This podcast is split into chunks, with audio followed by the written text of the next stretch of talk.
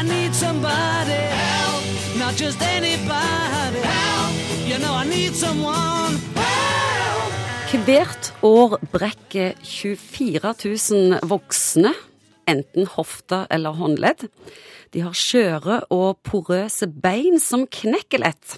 Og her i Skandinavia, der vi stammer fra de sterke vikingene, der er det ekstra mye svakhet. Vi ligger på toppen av verdenslista, sammen med Sverige. Og doktor Munkvik, hvordan har det seg? For det første, man knekker jo ikke egentlig hofta, man knekker lårbeinet i hofta. Du sa nå nettopp at man knekker hofta, og det hørtes voldsomt ut. For det, det er jo dramatiske greier. Det er lårbeinet i hofteleddet man knekker. Men det er nå så. Eh, ellers har du helt rett i det du sier. Nå prøver jeg bare å snakke vekk at jeg ikke kan forklare det. Du kan ikke forklare det? Nei, man kan egentlig ikke forklare det. Det- Man antar jo at det har med kosthold å gjøre. Sant? At man spiser kanskje Får ikke i seg nok D-vitamin, at det ikke er nok sol her oppe. Før, når jeg gikk på doktorskolen, så lærte jeg at en god norsk sommer var nok for den gjengse nordmann til å dekke årsbehovet av D-vitamin. Det tror jeg ikke på.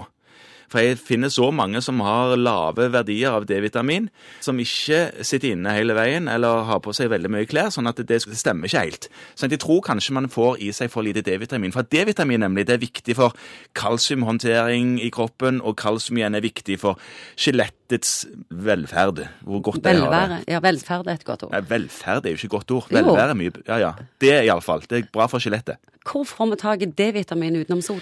Feit fisk, tran Så 240 000 nordmenn som eh, Folkehelseinstituttet anslår har eh, beinskjørhet, de kunne bare drukket tran hver dag, så alt var fint.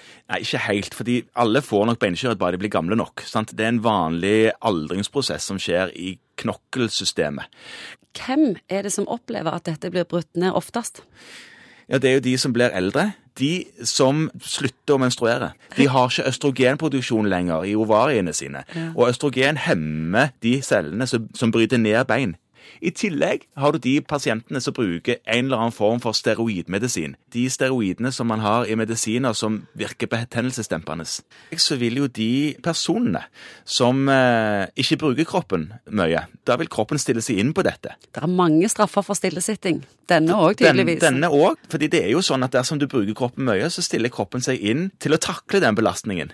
Det gjelder både muskler, fordi de blir sterkere og større dersom du trener og bruke kroppen. Men det gjelder òg knokkelapparatet bak. Dersom du ikke bruker kroppen, så vil knoklene tenke nei, jeg gidder jo ikke å drive og lage så sterk knokkel når dette mennesket jeg bor i, ikke bruker meg. Så har jeg lest at uh, dette er vel en av de få sykdommene der det ikke lønner seg å være slanke. Det er helt riktig, fordi at, eh, som jeg var inne på, de kvinnene da som kommer i menopausen, altså slutter å menstruere, de mister det som har med menstruasjonssyklus sin produksjon av østrogen å gjøre. Men det gjenstår den produksjonen som skjer andre steder i kroppen, og det er i fettvev. Sånn at de med mye fettvev, de som har litt over hoftene og sånne ting, de har mye mer produksjon av østrogen, og vil da opprettholde sin beinmasse mye lenger.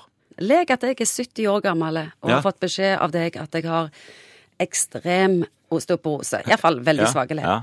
Kan jeg fikse det med å pumpe i meg med kalsium og D-vitamin og trene og Ja, du kan få medisiner som gjør at eh, beintettheten i knokkelvevet ditt bedres dramatisk. Det kan du. help.